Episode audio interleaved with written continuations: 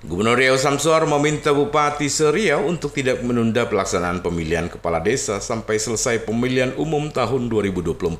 Hal itu disampaikan Gubernur saat rapat koordinasi bersama Forkopimda Riau dan Bupati Wali Kota Seriau di Gedung Daerah Riau.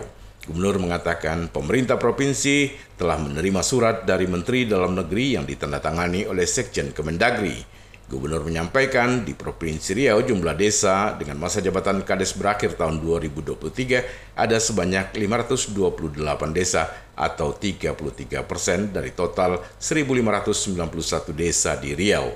Gubernur menyatakan adanya rencana penundaan pilkades di beberapa kabupaten di Provinsi Riau bisa menyebabkan terjadinya keresahan di tengah masyarakat dan aparatur pemerintah desa. Menurut Gubernur, penundaan pilkades setelah pemilu dan pilkada serentak di 2024 dikhawatirkan akan mempengaruhi kesempatan mereka untuk kembali terpilih pada kontestasi pilkades tersebut. Sebab rentang waktu dua tahun merupakan waktu yang sangat panjang secara politik untuk mempertahankan popularitas dan elektabilitas mereka.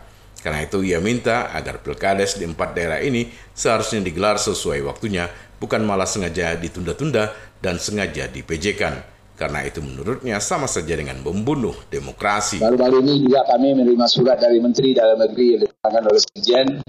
Ini berkaitan dengan pelaksanaan pilkades. Ya ini juga tentunya tugas para bupati yang sekarang malam ini juga perlu saya jelaskan. Agar nanti tidak terjadi konflik di daerah Bapak yang ini juga bisa memicu sampai pemilu yang akan datang. Jadi mumpung ada Pak Danrem, ada Pak Kapolda di sini, Pak Kajati, kami juga akan berikan petunjuk agar nanti tidak terjadi suatu hal tidak kita harapkan. Nah, karena itulah kami merasa perlu malam hari ini juga e, mengundang bapak-bapak, ibu-ibu, dan kami harapkan mudah-mudahan malam hari ini kita juga tentunya dapat e, menyelesaikan kalau ada memang persoalan-persoalan yang perlu kita bahas secara bersama. Bapak Ibu yang kami hormati. Prima Erma, Tim Liputan Barabas melaporkan.